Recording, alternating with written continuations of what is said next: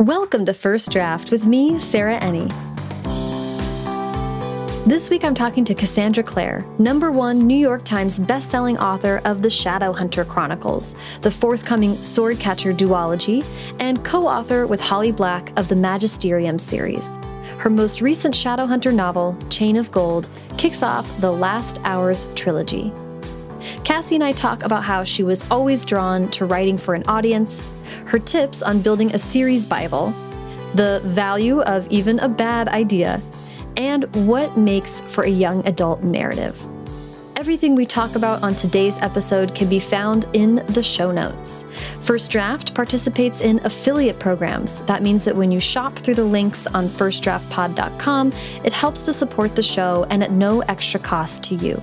We're an affiliate of bookshop.org, which means when you buy a book from places like Cassie's show notes, part of the proceeds go back to First Draft and another part of the proceeds go to support independent bookstores.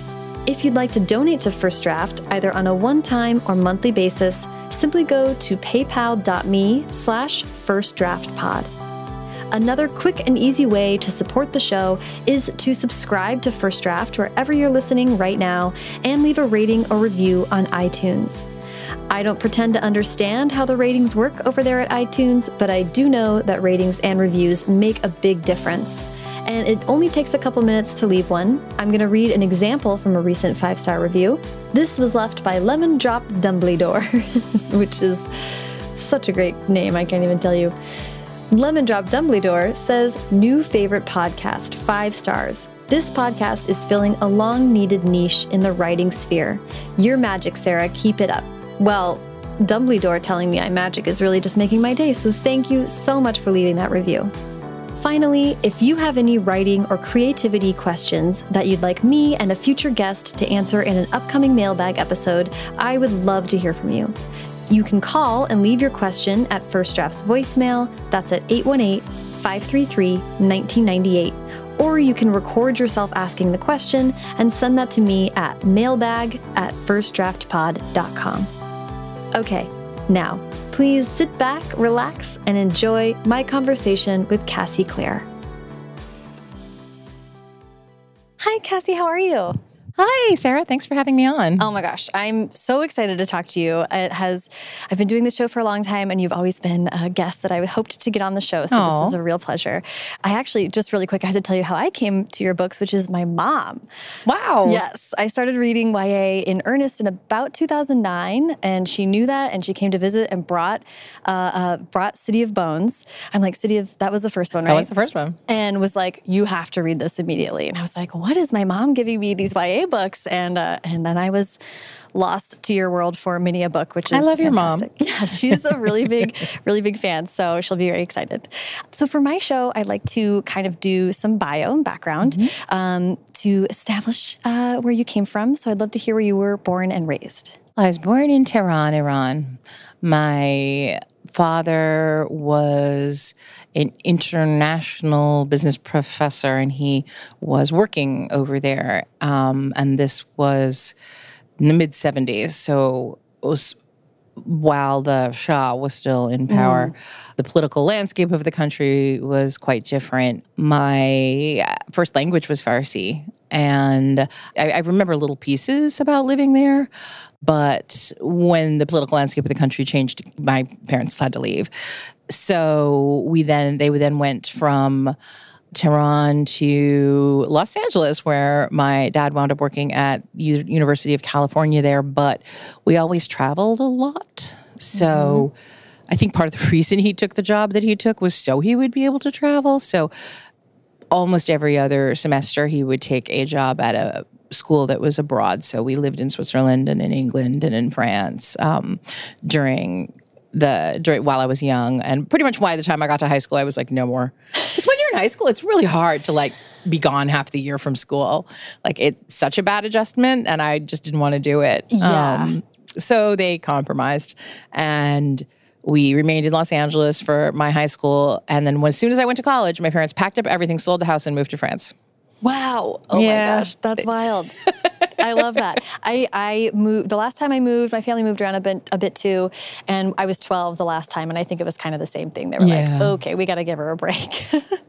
I want to ask how reading and writing was a part of childhood for you. Well, both my parents are big readers, as was my um, my grandparents on my maternal side that I was really close to. So uh, my mother says she doesn't remember me learning to read. I just picked up the newspaper when I was three and started reading the headlines, and she was like, "What?" so she doesn't remember teaching me or anything. And I don't remember a time when I didn't read. Mm-hmm. Um, so I was always a big reader, and I do think the traveling made a difference because I'm an only child. And so for a lot of the time, I would be with my parents. And you want to spend time with your parents when you're eight, but not as much time as they want to spend with you. So I would be allowed to buy any book and read any book. My parents were always very much like, you know, if we're traveling, you know, you can have as many books as you want and read and read. I'm sure they, you know, it was nice for them for me to be kind of quiet, but also like I needed, you know, this is what pre video games, pre, you know, any mm-hmm. kind of like television I could have watched or anything like that. So it was books, and they always made sure that I had whatever books I wanted to read. So books definitely became sort of my friends. What and and the reason uh, I mean I ask everyone that question, but I'm particularly interested when people have childhoods where they jump around. Sometimes reading can be the constant and kind of a source of comfort when a lot of external things are changing all the time. I think that's true. My mother said she came into my room once and she was looking at my bookshelf and she, and they she was like, How have you arranged these books? Because they seem to be totally random. And I was like, I've arranged them in order of what good friends they are. Which ones are my best friends? That's so sweet. Oh my gosh, I love that. Oh, who was who were some of your best friends? So at that stage in my life, I mean, I was pretty young. Um, so I'm trying to remember what it was. Oh, um, A Little Princess, Secret Garden, mm-hmm. all of those shoes books. Did you ever read those? Yes. Ballet shoes. Yes. Uh, Little Women was mm. one of mm. my bestest friends. I read all the time. And I had a whole series of books that I don't even know if people, if, if they still exist, you know, because they were they were pretty old fashioned. But I remember the shoes books and like I read all of them. And, yeah, those you know, don't come up as much as you'd think. I, I mean, those. you know, the world marches on. But from the mixed up files of Miss Baisley Frank Frankweiler yeah. was one of them. So that must have been when I was about six or seven. Yeah, I love that. Um, uh, I heard that when you were young, you also wrote. Uh, stories for your friends. I did. I would love for you to tell that story. So that was when I was about 12. And I had just finished reading Jane, Jane Austen. So I had, you know, we I had advanced from the ballet shoes books, and I was in this super like uh, Anglophile phase, and I so I was reading all of the Brontes and all of Jane Austen, and my mom brought home a book of Jane Austen's Juvenilia, which they're the books that um, books the stories she wrote when she was young. There's a totally cute story called The Beautiful Cassandra that she wrote about her sister, Cassandra, that she was very close to, in which Cassandra goes on an adventure to London town. It's, it's like adorable, and I loved it. And so I wrote a book called The Beautiful Cassandra that had nothing to do with the juvenilia because it was much sillier.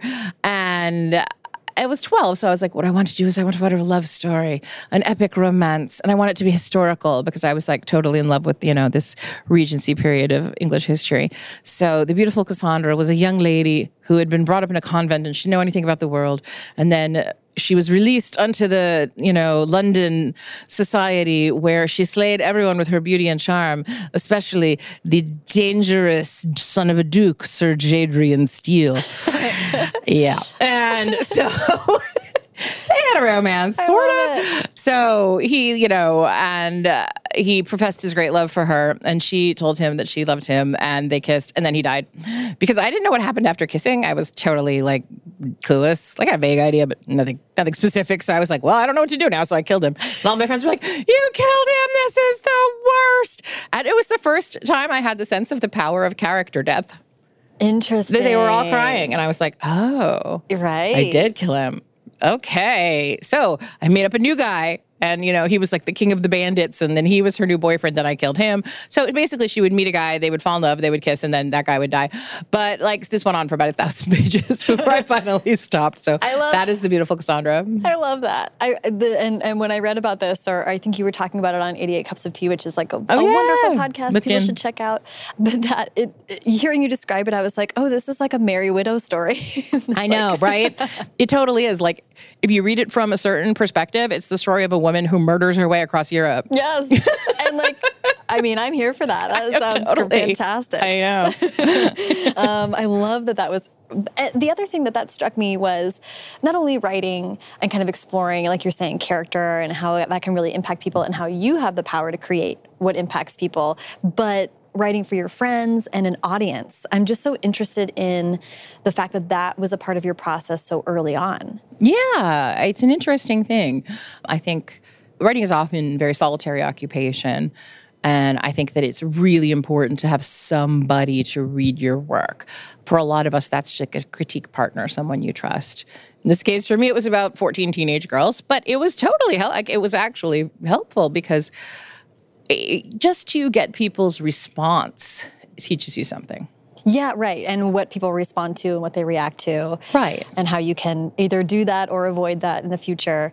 But the other thing, and, and I don't I don't so much have a question about this, I guess I'm just it's just interesting to me the impulse to write seriously for other people to consume is really different from the impulse to write for yourself in almost kind of a diaristic mm, way. I'm just interested in in when you can look back and see that that was so obviously your motivation from the beginning do you how, do you think that that has fundamentally impacted the kinds of stories you want to tell or how your career has ended up being shaped I think it speaks to the kind of writer I wanted to be. I was never interested in a diary. I never wrote a diary or kept a journal because I thought, what's the point? No one's going to read it but me.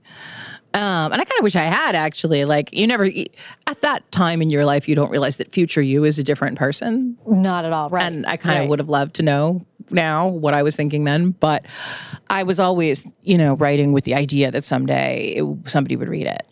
And, you know, that there would be a readership.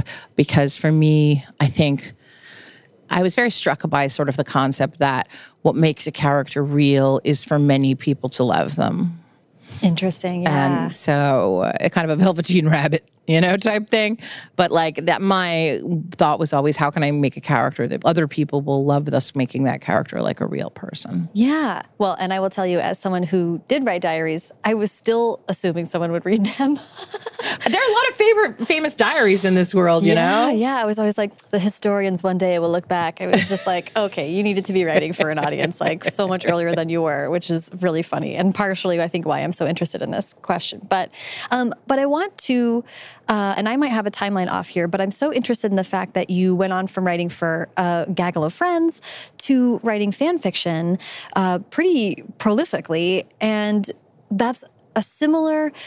Um, I might be wrong, but I think that's iterative, releasing chapter by chapter and getting instant feedback and kind of building based on reactions. I'm just so interested that that became more, that you continued to grow more serious in that type of writing. Yeah, I think that, I mean, for me, it sort of went like I did a lot of writing when I was in high school. I did some writing in college. I left school and didn't know what I wanted to do. Like, didn't know, really know, and I don't think I was ready to like write professionally. So I became interested in journalism because I wanted to write. So I went on to have a, a like a eight year career as a journalist. And during that time, I think that fan fiction for me filled the desire to write fiction. Writing nonfiction wasn't really what I wanted to do. And so it wasn't really satisfying my desire to write. I thought it might, but it didn't. And so while I was at work, and I think I can say that now because what are they going to do? The statute of limitations has passed. statute of limitations has passed. I started writing uh, fan fiction, and yeah, you would post it, and then you would get feedback, and it was, I think, really the first time that I was getting feedback from a lot of people I didn't know, mm-hmm. and it's interesting because you know the kind of feedback you get from friends is going to be different than the kind of feedback you get from a big group of to- total strangers, you know. Mm-hmm. So I think in that sense, it was definitely helpful, and it pushed me. It pushed me in the direction of wanting to write my own original work. Yeah. Well, I want to talk about the journalism really quick because I think it was Sure. at the Hollywood Reporter. Is that Yes. right? Which, in my mind, and I think this is wrong, but in my mind, I was like, ooh, like the glamorous nonsense of Hollywood types. Like that's also a lot of drama in and of itself. Maybe could be a source of inspiration. I mean, it, the thing about the Hollywood Reporter is they report on the business aspects of Hollywood. So it's a lot of like, this person has this deal, and this person is going to be helming, this is what they call it when Right. you direct something, a directing a feature. so you kind of get to know who everybody is and there is behind the scenes drama you know but it's not the like I did actually when I moved to New York work as a copy editor for some for tabloids like Star and the Inquirer.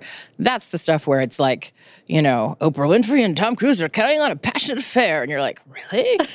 I don't know about this. yeah, about fifty percent of the time, I was like, I don't think this is true. Though I remember I came in once and someone was like, you will not believe it. You know, Brad Pitt has run off with Angelina Jolie, and I was like, that is ridiculous and clearly untrue. So I was not a good guesser. Amazing. I love that. Yeah, sometimes the truth is stranger than fiction. Right. I want to ask about how you think developing as a writer with that kind of feedback especially i'm just so interested like chapter by chapter it's kind of like being a tv writer nowadays because you mm. can see the reaction in real time that wasn't really true for much fiction at the time except for what you were doing which is almost more dickensian really uh, yeah how do you think that again just kind of influenced you as a writer or the kind of stories you wanted to tell or it's you kind of put yourself through a very personalized MFA program in a way. and I don't even have any student debt, so there's that. um, I think that it is a crash course in certain kinds of uh, structure that you learn some things about what people respond to and what they don't respond to, and that they may not respond to those things because the, you have improperly calibrated the emotional responses of the characters, mm-hmm. and you. It, I would say that fan fiction is often very much about the emotions of these characters because mostly what it is is kind of filling in emotional background for characters you may not know that well because they're on TV and you're not seeing inside their head or, mm-hmm. you know, that kind of thing. And so it's a lot of work with what I call calibrating, which is like balancing the right kind of emotion that creates the right response.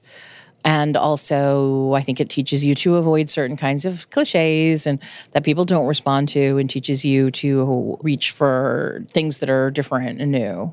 And I think, you know, there are other ways you can do that online. I know there are things now more like Fiction Press and Wattpad where you can share your original work and kind of get that kind of feedback as well. And that may have existed back then. I was 20 years ago. I, I wasn't aware of it. Um, but I think that you know it, it it's interesting because for me, I came out of it with like a toolkit of things that were useful for me, and then things that were definitely missing that I didn't learn how to write because they're not things that are part of fan fiction. What what kind of things would that be? Building characters. Like you can calibrate and adjust and create emotions for characters that already exist, but the whole point of fan fiction is that they are these characters that people already know. Yeah. So how do you introduce somebody completely out of nowhere? Yeah. Well, let's That's, let's get to it. All right. Let, let's um I'd love to hear it sounds like you were kind of looking for a way to write that was fulfilling to you and not finding it. I'd love to hear what brought about the, the like actually deciding to commit and write your own stories. I had been working as a copy editor for a while, and I was well. I'd moved to New York thinking that I wanted to write a book. So I quit my job at the Hollywood Reporter. I moved out to New York. I was freelancing. And of course, it's much harder to do it than it is to think about it. And right. so I tried, you know, a couple different starts and stops with different books. And then I kind of lit on the idea for City of Bones. And you know, sometimes you just sense when you have the right idea because you're sort of fired up. So suddenly I had this like book that I was really passionate about and I really struggled with it, you know, because I got, you know, I was actually writing a whole full book and, you know, there were things I didn't know how to do. And I was lucky to meet Holly Black really early in my non-career. I wasn't a writer when we met and her first book was just out. So, but we met at a signing at Books of Wonder and we became friends. And so I would I had the per- that person, the person you can call and be like, I am stuck, or I need to talk about this thing, or let me send you the scene and you can give me a re- like a response. So we would, you know, do that for each other. She seems to be uh, like a book whisperer. Yeah, oh, Holly is. She told if you can get access to Holly, you're a very lucky person because she is great with reading a book and telling people like how to fix it, which is a rare skill. Yeah, she's I've, many many people I've spoken to have said like, "Well, Holly Black fixed my book over one cup of coffee," and I was like, well, "That's, that's it's totally true." And so I have incredible. access to her every day, so I feel very lucky. I'm like, ah, my Holly. well, the so the Mortal Instruments, which is the first series of books that ended up being six books. Um, I'm so interested in how you did set out to create that. It's also interesting because it's urban fantasy, so it is you you do create an entire world, but it's sort of layered on top of our real world. I'm interested in was that the kind of thing you were always reading, or how did how did you decide on that as your fantasy landscape? That was something I really loved that I discovered when I was a little bit of an older teenager because I'd started with like Tolkien and mm. high fantasy, so I went from Tolkien to reading other you know high fantasy works, you know. Um, I think did I ever read this? No, I never read the Shannara books, but I did read the Tad Williams books, mm. um, Guy Gabriel Kay, and so I read a lot of sort of high fantasy, and then I discovered urban fantasy with authors like Annette Curtis Klause and. Um, Ellen Kushner and the people who created Bordertown, and suddenly I was like, "Oh my God, you can like kind of bring this fantasy into our world and make it kind of you know modern and part of our lives. So I really love the idea of doing that. And there had kind of been a downturn in urban fantasy. At least I hadn't been seeing it as much as I had before. And so that was my first thought was like, I want to bring the magic into our own ordinary world and see how it interacts with the world that we live in. You know, the idea that like magic is just like a fingertip away is very you know fun and exciting. Yeah it is. It's really um, i love those stories too. And in, in, contempt when there's kind of that one twisted element that keeps you on your toes it's really um, as a reader super fun. Yeah. Kind of makes the world a little bit more magic. I want to so i mean you have so many books that I, we can't we can't I can't ask you all the questions about all of them that that I would love to. But I do want to ask about the Mortal Instruments. Do you mind pitching that series for us so we are more familiar with it. okay. Yes. So, The Mortal Instruments is a uh, urban fantasy book series set in New York City, where a young girl named Clary Frey, who's a teenager, goes to a club one night and she sees what looks to her like a murder. A bunch of people, you know, uh, other teenagers covered in these weird markings gather together and murder a guy. So uh, she's pretty not happy about that. And she then meets up with one of them again the next day. He's come to see, like, who is this girl who saw us? What's going on? And she learns that, in fact, they're shadow hunters. They're demon hunters who protect the city from monsters, basically, and that they were they weren't actually murdering a guy; they were killing a demon. And she's drawn into this magical magical world where she discovers that she's actually pretty connected to the shadow hunters. There's a reason that she can see them and that she has this sort of important destiny within that world. Yes, I love that. I know it's been a, a few years, but I'm like pitching the first the first books of the series. Um, the first book came out and was instantly a bestseller, and you kind of instantly had this following of people for your book series, and that doesn't happen for everybody. So I was just wondering what what impact that had on you creatively to sort of instantly know that you had a lot of people that were waiting on the next book? And that's just a unique circumstance to be in i think. It is unusual. I think that it was very surprising to me. I wasn't expecting it but I was still, I don't think that, you know, you feel enormous confidence immediately. You just think, oh, maybe it's a fluke. Like it hit the hmm. bestseller list, but who knows really, you know, how this is going to pan out. And I'd already written The City of Ashes because this is was my first book. So there was a long run up to its actual publication. And so in that time period, I had already written like the next two books. So I was like, well, I hope they like the next two, you know? And I was trying to kind of figure out how it was going to go and whether that meant that I could write more books in this world. And it was funny because you know, my publisher, what my publisher really, really wanted was more Mortal Instruments. And what I wanted was to do the Infernal Devices, which is the historical. Not that I didn't want to do more Mortal Instruments, but I wanted to do them afterwards.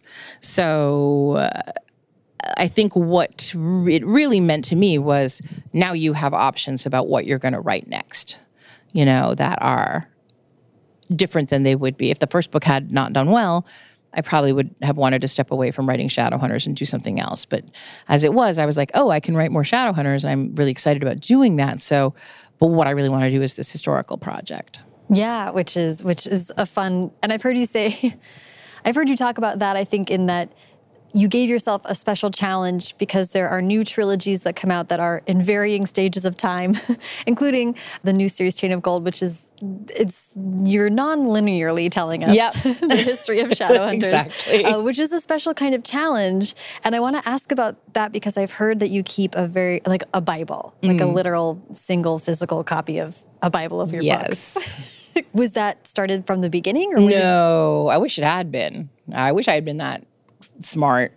No, it was uh, when it actually, so at some point, within the world of the books, when you become like an adult Shadowhunter, you're given a copy of a book called the Shadowhunters Codex that basically has all of this.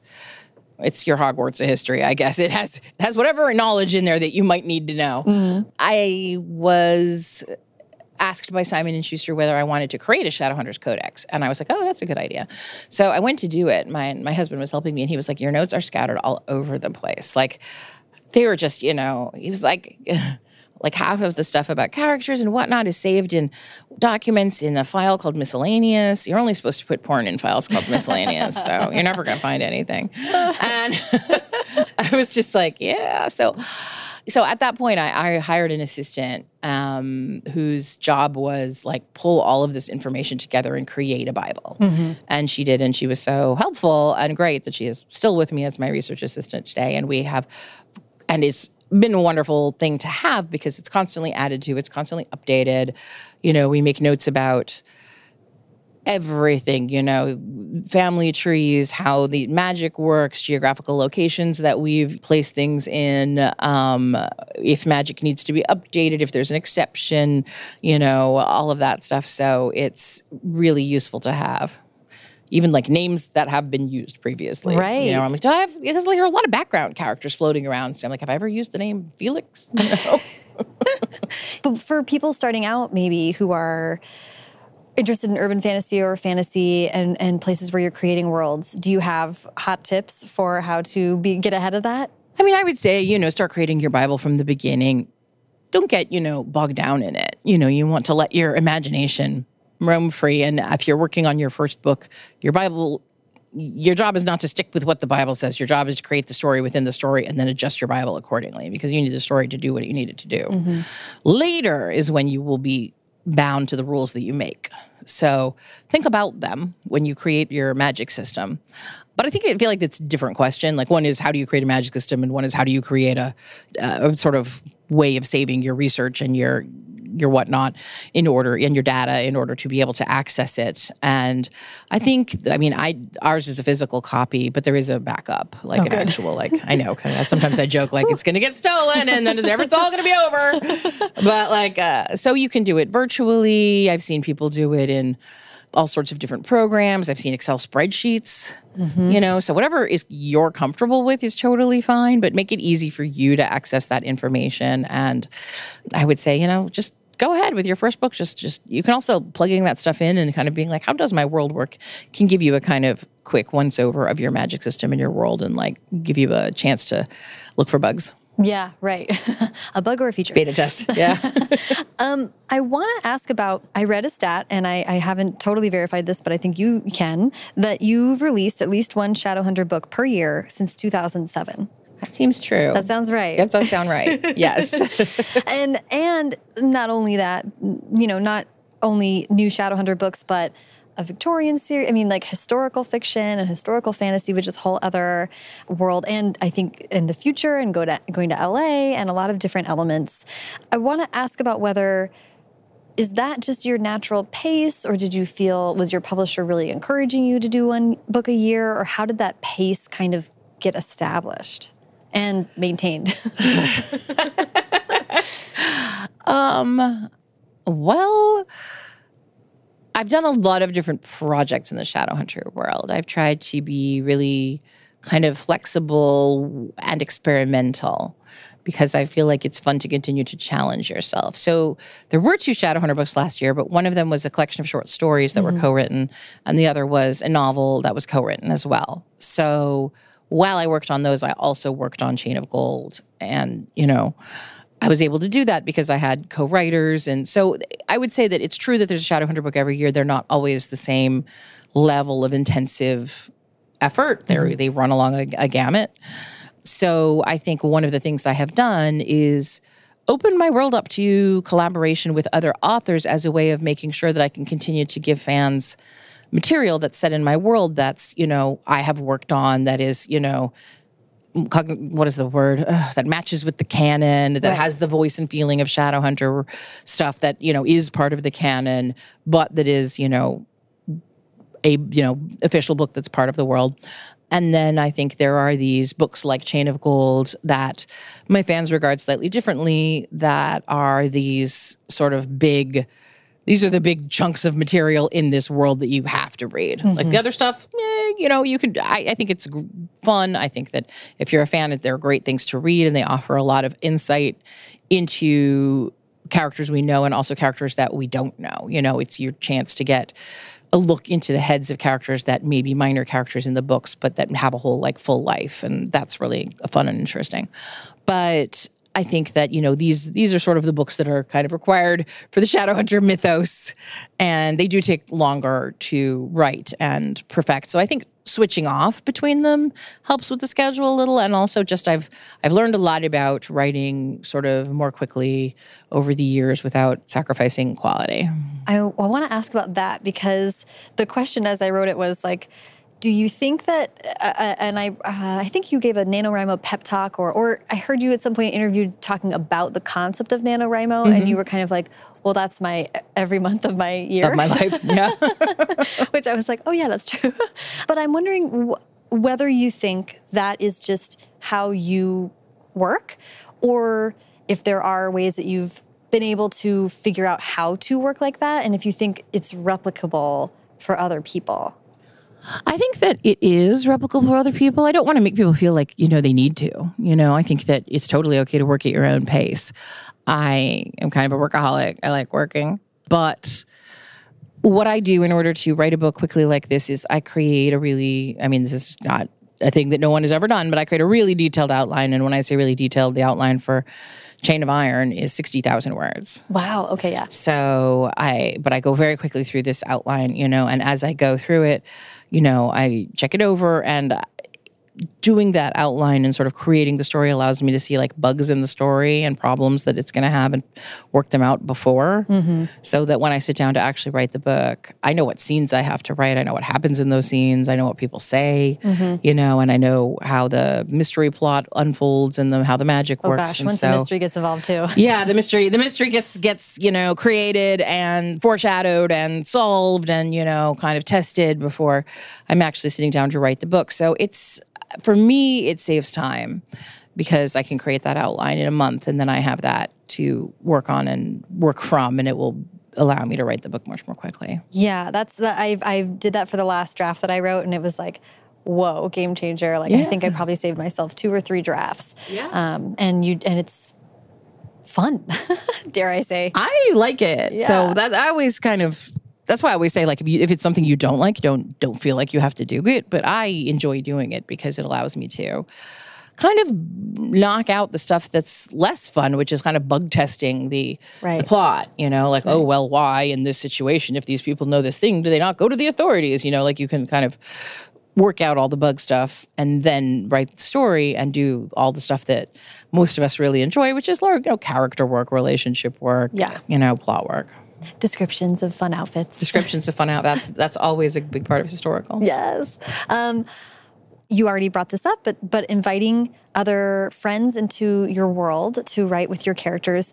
I'm so interested in to me that it struck me that that might be a way to like reinvigorate your relationship to this world that you've lived mm. in for a long time. And I was just wondering how it felt to do that and whether that gave you a new perspective on the world you'd created. I just got the chance to chat with Elizabeth Eulberg on Saturday, yeah. and she was talking about a retreat where it was kind of like crowdsourcing some whether this would work or not in your series and she was like you know she was saying it was amazing to sit back and watch a group of people kind of be able to almost like a writer's room in, to some degree that you could bounce off people and see what was working or not so it seems like collaboration has become a real important thing for you yeah, and I'm really lucky to have that group of people and these retreats that we go on to be able to do this kind of stuff because it's true. Any of us can be like, I have this problem, and everyone else is like, okay, let's crowdsource this problem, and we know each other's work. Mm-hmm. So you don't have to catch anybody up. You know, I'm yeah. like Magnus and Alec. They just had a baby. Do they need to get a pack and play? And everyone's like, all right. I mean, Okay, that's not I a real it. question. But like, I love that. you know, everyone jumps in. They got, you know, thoughts that we toss things around like, yes, no, that's good. What about? I think that saying it's like a writer's room is a really good way of putting it because you're bouncing ideas off each other and sort of picking the ones that work and then embroidering on those. Um, so, yeah, I think that it, absolutely it's one of the things that keeps you having a fresh perspective on your own work and like when I've done these collect these short story collections, we were working on one that was about the Shadowhunter Academy. And my friend Robin Wasserman, who actually is a TV writer, um, very good at this stuff. I talked to her like, "What kind of story would you want to write?" And she was like, "I really want to write about Alec's father." I was like, "Really, Robert? I don't know. Robert's kind of a jerk." and she was like, "It is because a jerk. He is a jerk that I like him." And I was like, "Okay, you know, go free, write a draft, send it to me. I'll look it over. I'll, you know, make changes. We'll kind of go from there. And she sent me this draft that she had written, and I was just like, Robert is so sad. Oh, he's such so sad. This is terrible. What an amazing guy. I mean, like she really, she'd really like turned up this stuff that really humanized this character. And I thought, and I thought, wow, I have a fresher perspective on the character and the, and she'd clearly, you know, done what I think is the good way of doing kind of that kind of work, which is drawn on the stuff that was in the books that mm-hmm. hinted at Robert's past and his relationships in the past and what might be his, you know, vulnerabilities and whatnot. And she'd kind of expanded and amplified those. But I do remember when I got it, I thought, oh, I'm not sure that without Robin having read, written this, I would have taken more time to think this much about this character. Right, right. I, I mean, yeah, because he, yeah, Well, he- yeah. he's a minor character, you know. He's Alec's dad, so I think, and I think it's really informed all of my writing about Robert since then. Yeah, I love that. It, it reminds me of um, a TV writer friend that I have was uh, was helping me on a terrible pilot that I wrote. But uh, he was like, you have to keep in mind that when you write a pilot, imagine the the actor who gets hired to play even the smallest role and memorizes those lines and does the work of of stepping onto set and only thinking about what matters to that character. And you have to give that character re- respect, basically, because it's going to be That's- somebody's that is very job. thoughtful. And I was like, oh dang. I know, That's right? a good point. uh, but I took that to, to my writing going forward, and I thought it was really useful. I want to talk about uh, the Magisterium, Oh, and then come back to Chain of Gold. But speaking of collaboration, do you mind pitching this series for us, this middle grade series? Magisterium uh, is a series that's co-written by me and Holly Black, and our first co-written project, and it is about a young boy named Callum who knows that he comes from a long line of magicians, but has always been told by his father that magicians are horrible, they're evil, they're terrible. You want to avoid them as much as possible. But all children who have magical ability in this version of the world must be tested when they're 12 to see what their ma- you know what level of magical ability they have. And if they have magical ability they have to be taken to the magisterium to be trained because uncontrolled magical ability is dangerous. So cal sets out to go to this test which is called the iron trial and fail it. He wants to fail it and he sets out to fail it. And what happens after he sets out to fail it and how that goes um, is sort of the really the kickoff for the story of the magisterium. I love it. I want to ask about how the project came to be. How did you and Holly decide to work together?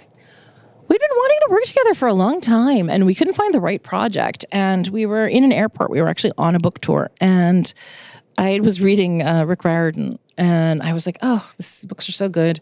Forgotten how much I love middle grade, you know, because I spend a lot of time reading YA because it's, you know, what I work in and I you know, want to be available, you know, I want to be aware of what's happening in the field. But I you know, taken the opportunity to treat myself to the Percy Jackson books, and I was really enjoying them. And I was like, I just love, you know, there's middle grade sensibility is really, you know, charming to me. And Holly was like, she was really uncaffeinated. She was like, "Oh, I love middle grade," and I was like, "Yeah, you know, I'd love to write this kind of book, but you know, I just don't know if I have a middle grade voice." And she was like, well, "I have a middle grade voice," and I was like, "Well, good for you." And she was like, "No, I'm saying like we should do this together. I can show you." And I was like, okay, let's talk about it. So we started talking about like what would we do if we did a middle grade project? What ideas did we have? And Holly was always super interested in the idea that's actually the twist at the end of Magisterium, so I can't really say what it is. And I was always super interested in the idea of a kid who set out to fail a test and because they failed it really spectacularly, wound up in this situation that of being uh, basically I had, I had read something. I had been listening to something about scientific testing and they were talking about like in the 70s everyone was obsessed with testing people for like telepathy and clairvoyance and other stuff like that. So, you know, they'd hold up a card and be like, can you see what's on the card? And the normal, like just randomly guessing rate is 25%. So they would look for people who had either like a 90% success rate or a 0% rate, a total failure, because oh. total failure actually means there's something unusual going on. Huh. And I was like, okay, so total failure actually means something. So I'm really interested in this idea of like failing so spectacularly that everyone's like, there's something special about that guy. So we combined like our two ideas and we started, we kind of created the idea of Cal and we were just talked the whole way to where we were going on the plane. And by the time we were there, we had the idea. Wow, that's amazing. And, and what was it like to not only experiment with a middle grade voice, but to collaborate in world building. And this was like a whole new, a blank slate, but you did have a 50 50 partner in it. Yes, it was lovely having a partner for the world building. I remember we were on a tour, and then after the tour was over, we went to Mexico to do a writing retreat. And Holly was like, let's have a whack at, like, just see how this goes. Like, she gave me, you know, a computer and was like, just try to write some stuff. So I just started writing and, you know, sort of magisterium beginning stuff. I gave it back to her and she was like, This is fine. It's fine. You had a middle grade voice. And I was like, wait, I need more guidance. but she did. She definitely helped me out in places where I think I was veering away from like the concerns and focus of people of middle graders, you know. And it was also really great to have somebody else to bounce ideas off about how the magic worked and the world worked and how, you know, how do they get around? You know, these this is this school is underground. It's in a series of caverns, and you know, how do they get around? Oh, what if they get around on the underground rivers? You know, it was just a lot of like. I mean, it's the it's the fun kind of like imaginative play that you that that adults are so often denied. I know a lot of people who like game and you know whatnot, and I'm like, I think that one of the attractions of that kind of stuff is even in video games and whatnot, allows you imaginative play that otherwise, you know, our society tells us adults shouldn't engage in, which is ridiculous. So this was allowed that, you know, one of the great things about being a writer is you do get to engage professionally in that kind of imaginative work. And this was really like imaginative play in a manner that was like creating a tabletop role playing game because we were like playing around it, creating this world together. I wanted, let's come back to, to Chain of Gold. Mm-hmm. So, this is a new, the kickoff of a new uh, trilogy, is that right? Yes. Okay. Can you talk about choosing this time period? And what I'm interested for you in when you embark on a new trilogy, like a new sh- um, set of stories within the Shadowhunter world, what do you want to explore with it? Or what different kind of aspects of the world are you getting into? What kind of makes you think this is a new thing that i want to try out in this world? I think that when i first thought about the last hours i thought about the a number of different things. One was i'd never written a book where the characters were the children of the characters from another book Mm-hmm. And that was one of the things I loved growing up. Like if I'd read a lot of Tamora Pierce, and she mm. does that. You know, she'll create a couple, and then the next series will be about their kids. And I've always loved that. So I was like, something I've always wanted to do. So being able to create a story about the, you know, descendants of Will and Tessa and their friends was definitely something that intrigued me. And I also really love this time period, and I feel like it gets kind of undersold. You know, there's the time period of the Victorian era, which you know we know from Dickens and has a real specific aesthetic, and then there's kind of we jump from there to almost to. Um, you know the kind of Downton Abbey, which is later. It's like 1913. We're almost in the war. There's you know a very specific. There's another very very different aesthetic to that, And this was a quiet time, kind of. It was called the Belle Epoque, like the beautiful time, because it was peaceful and there was a huge flowering of like art and culture. And so to me, it's always been a really fascinating time period. And I thought it would be really fun to set a series then. And I played around a little with the idea that it was a quiet time. At the beginning of the books, you know, they're all talking about, oh, we haven't seen demons in years. No one's, you know, in, you know, we're, we're not seeing supernatural creatures. London's totally quiet. And I wanted to experiment with the idea of a generation of shadow hunters who were totally unprepared for combat and for loss and for you know what it actually means to be on the front lines of demon slaying. Right. You know because there was this whole generation of kids who went off to world war one with no idea what they were going to be facing. Right. And it was really it did feel like an interesting twist to get into the book and be like oh this is they're really wrapped up in social stuff. Modern mundane yep. stuff. And I think I, I, forget who it is at some point that says, that says like shadow hunters aren't meant to for times of peace or whatever. And it right. was just like, oh yeah, dun dun dun, you know.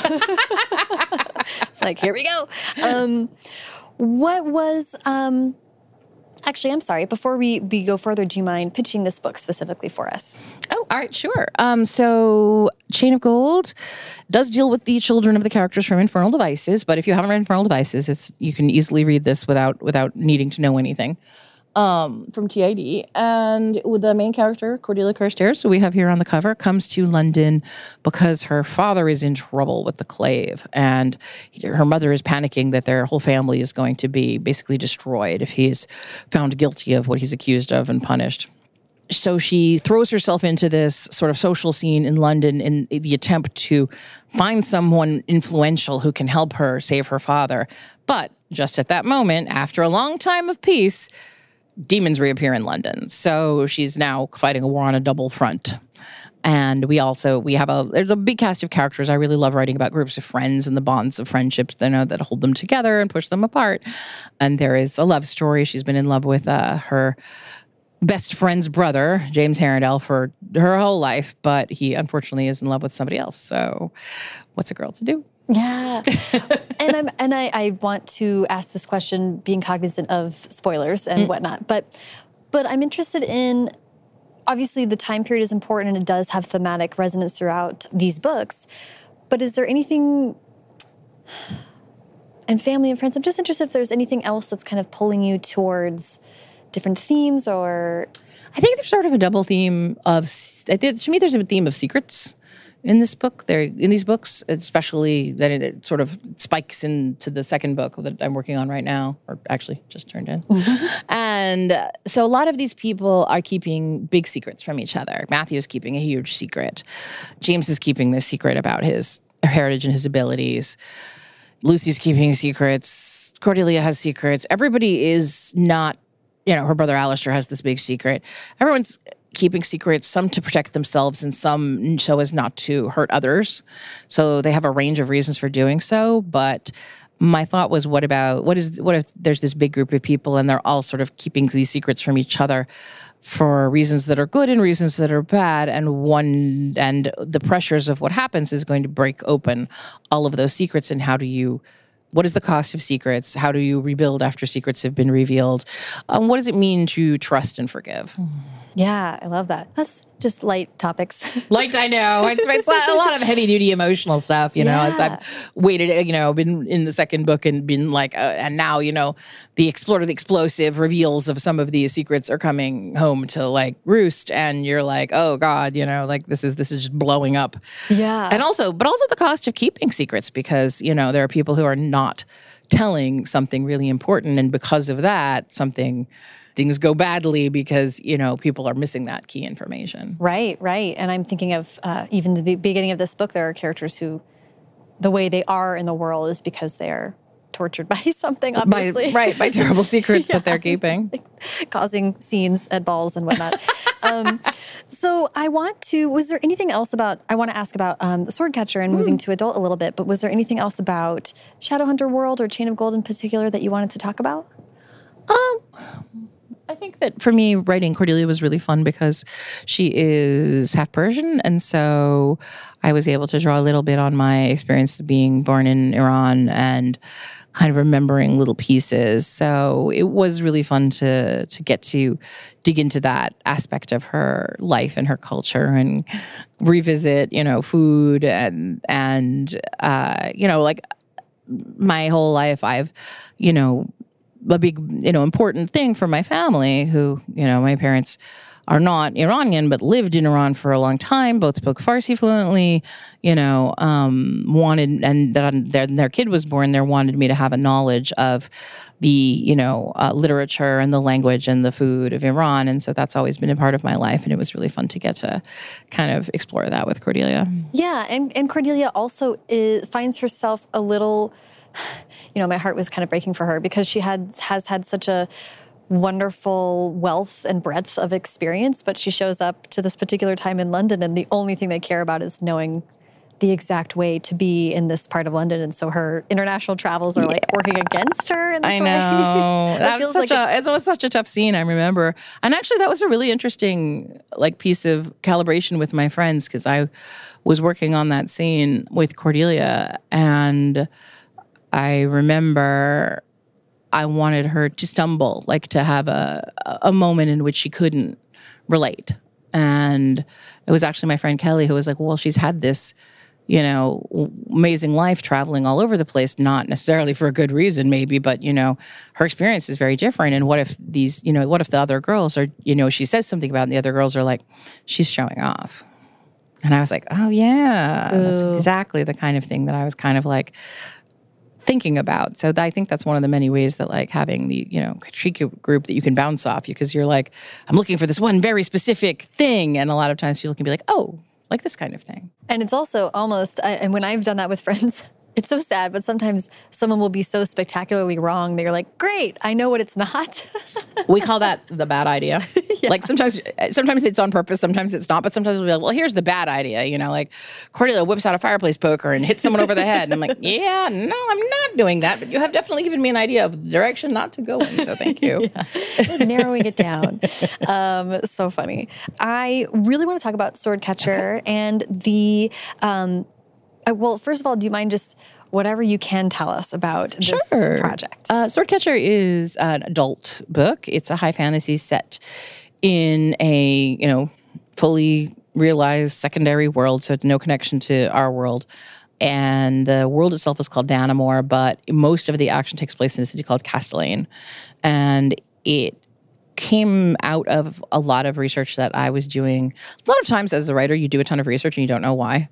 Yes. You're just like into a topic and you're like, this topic will eventually become something, but I don't know what. So I was doing a huge amount of research into the history of the Silk Roads. Oh, yeah um, just fascinating time period and just really interesting stuff.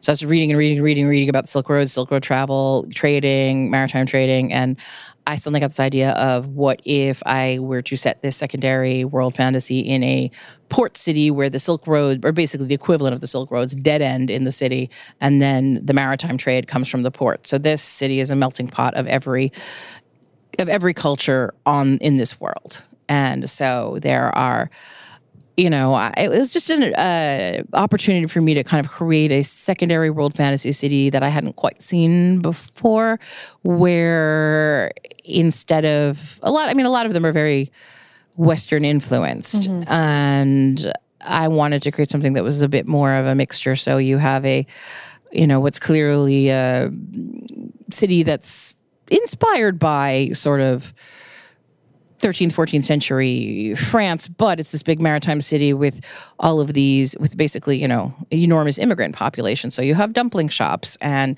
you have tea shops where they make their tea and samovars, and you have different neighborhoods that are clearly the neighborhoods of all of these different ethnicities and races and religions that exist in this world.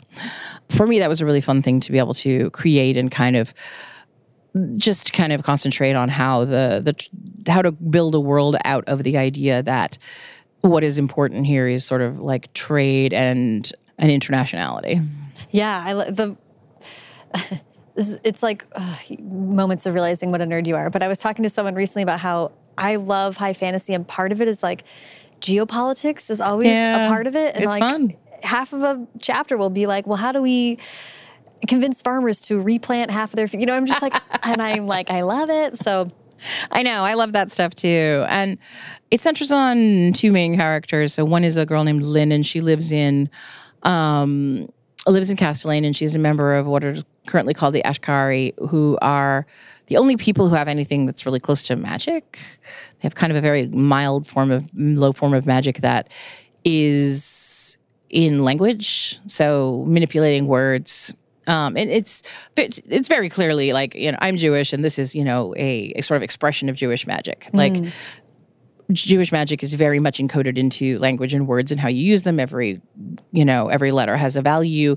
You know, combine those values together specifically, you get a spell. Mm-hmm. So uh, I was sort of working with that and the idea of what it meant to her to be a Jewish person in this city and how this magic worked and what it means. I think both to, you know, as an aspect of Jewish history, to be both highly valued for your skills and yet also to be forced to be separate. Mm. Mm-hmm. So that was another really interesting thing for me that I wanted to kind of poke into. So yeah, I mean, I've been working on it and it's been really, really fun. It's got, you know, a lot of sword battles and people in disguise and daring do and sexy business and romance and fun and also geopolitics and geopolitics and it. criminals. Ah, I love, love criminals. well, and it's so interesting, you know, to hear you talk about with Chain of Gold wanting to explore young adults, but also their parents um, who we're, we're already familiar with, but and met as young adults, but to want that intergenerational element. And now Sword Catcher is an adult fantasy.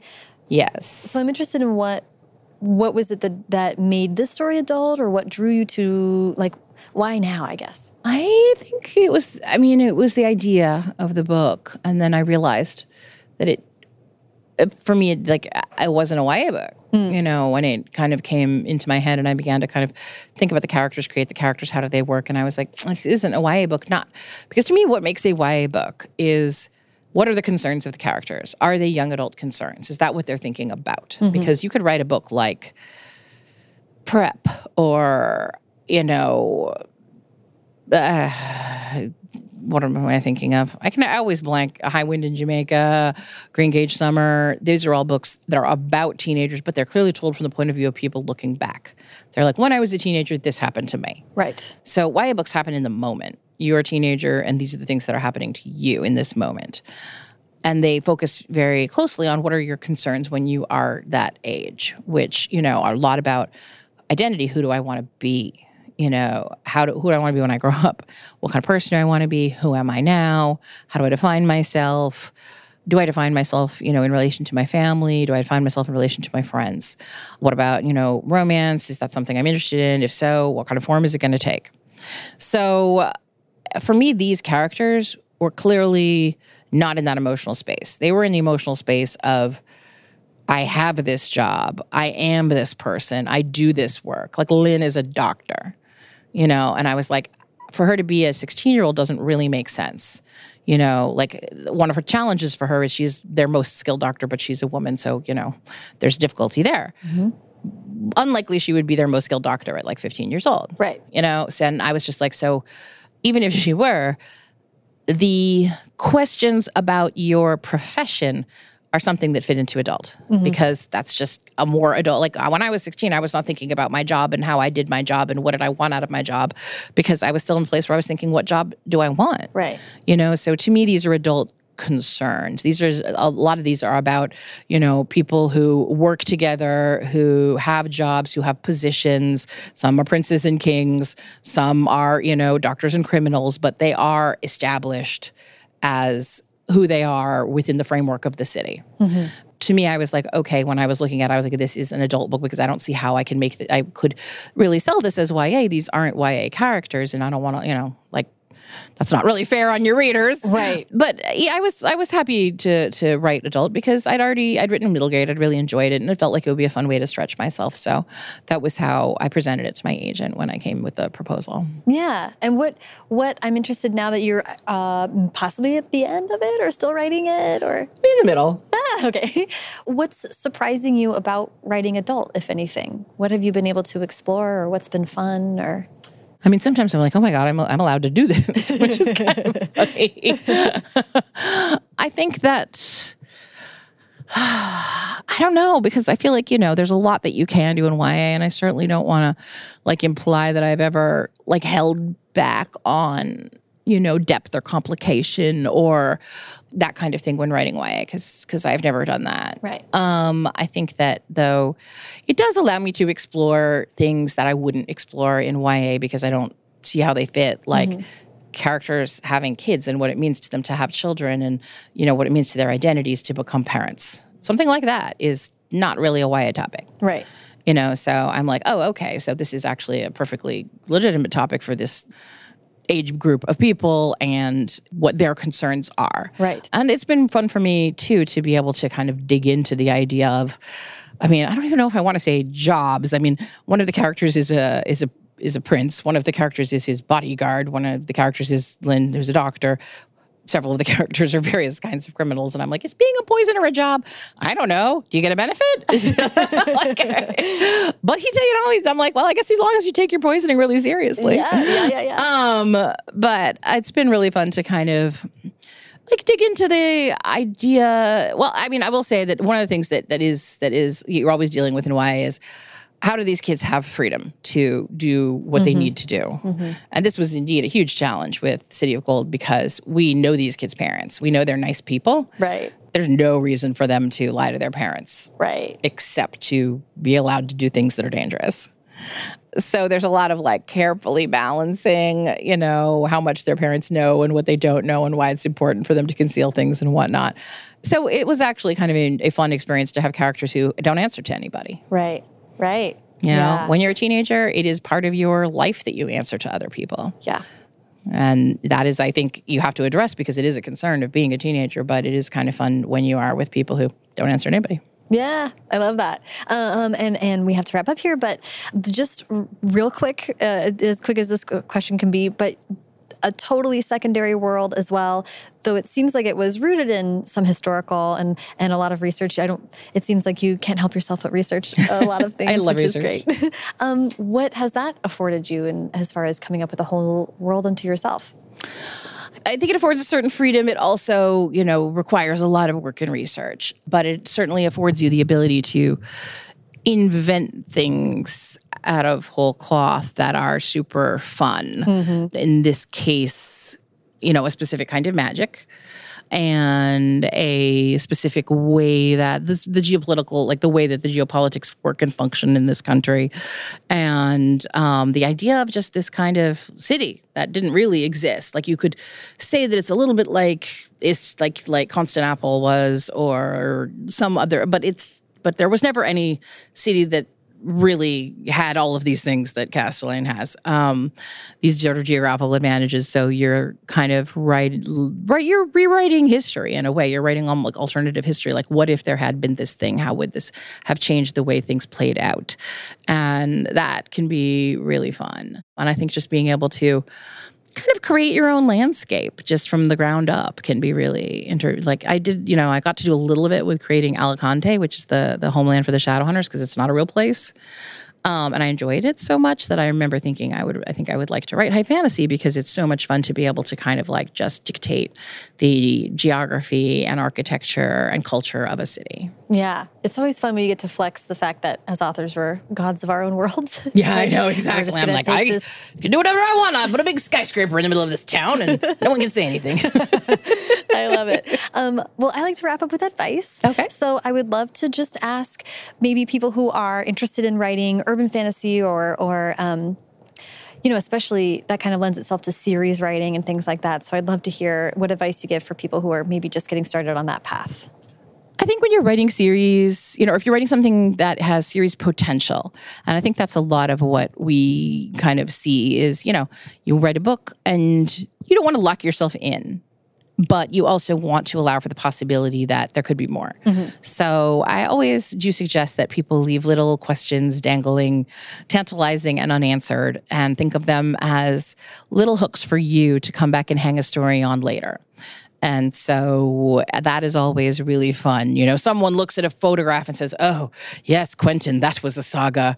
And then you're just never going to address it again, but you could come back and address it later. So I think it's really, for me, that's been, I've definitely done that with my books and just, you know, kind of thrown in a thing. And I'm like, if, it happens and pays out that I get to come back and address this again, then it will be really fun to get to do that. And yeah. so that would be my advice if you're thinking about writing a fantasy book, quote unquote, with serious potential, because often I do see that's what agents and editors are looking for.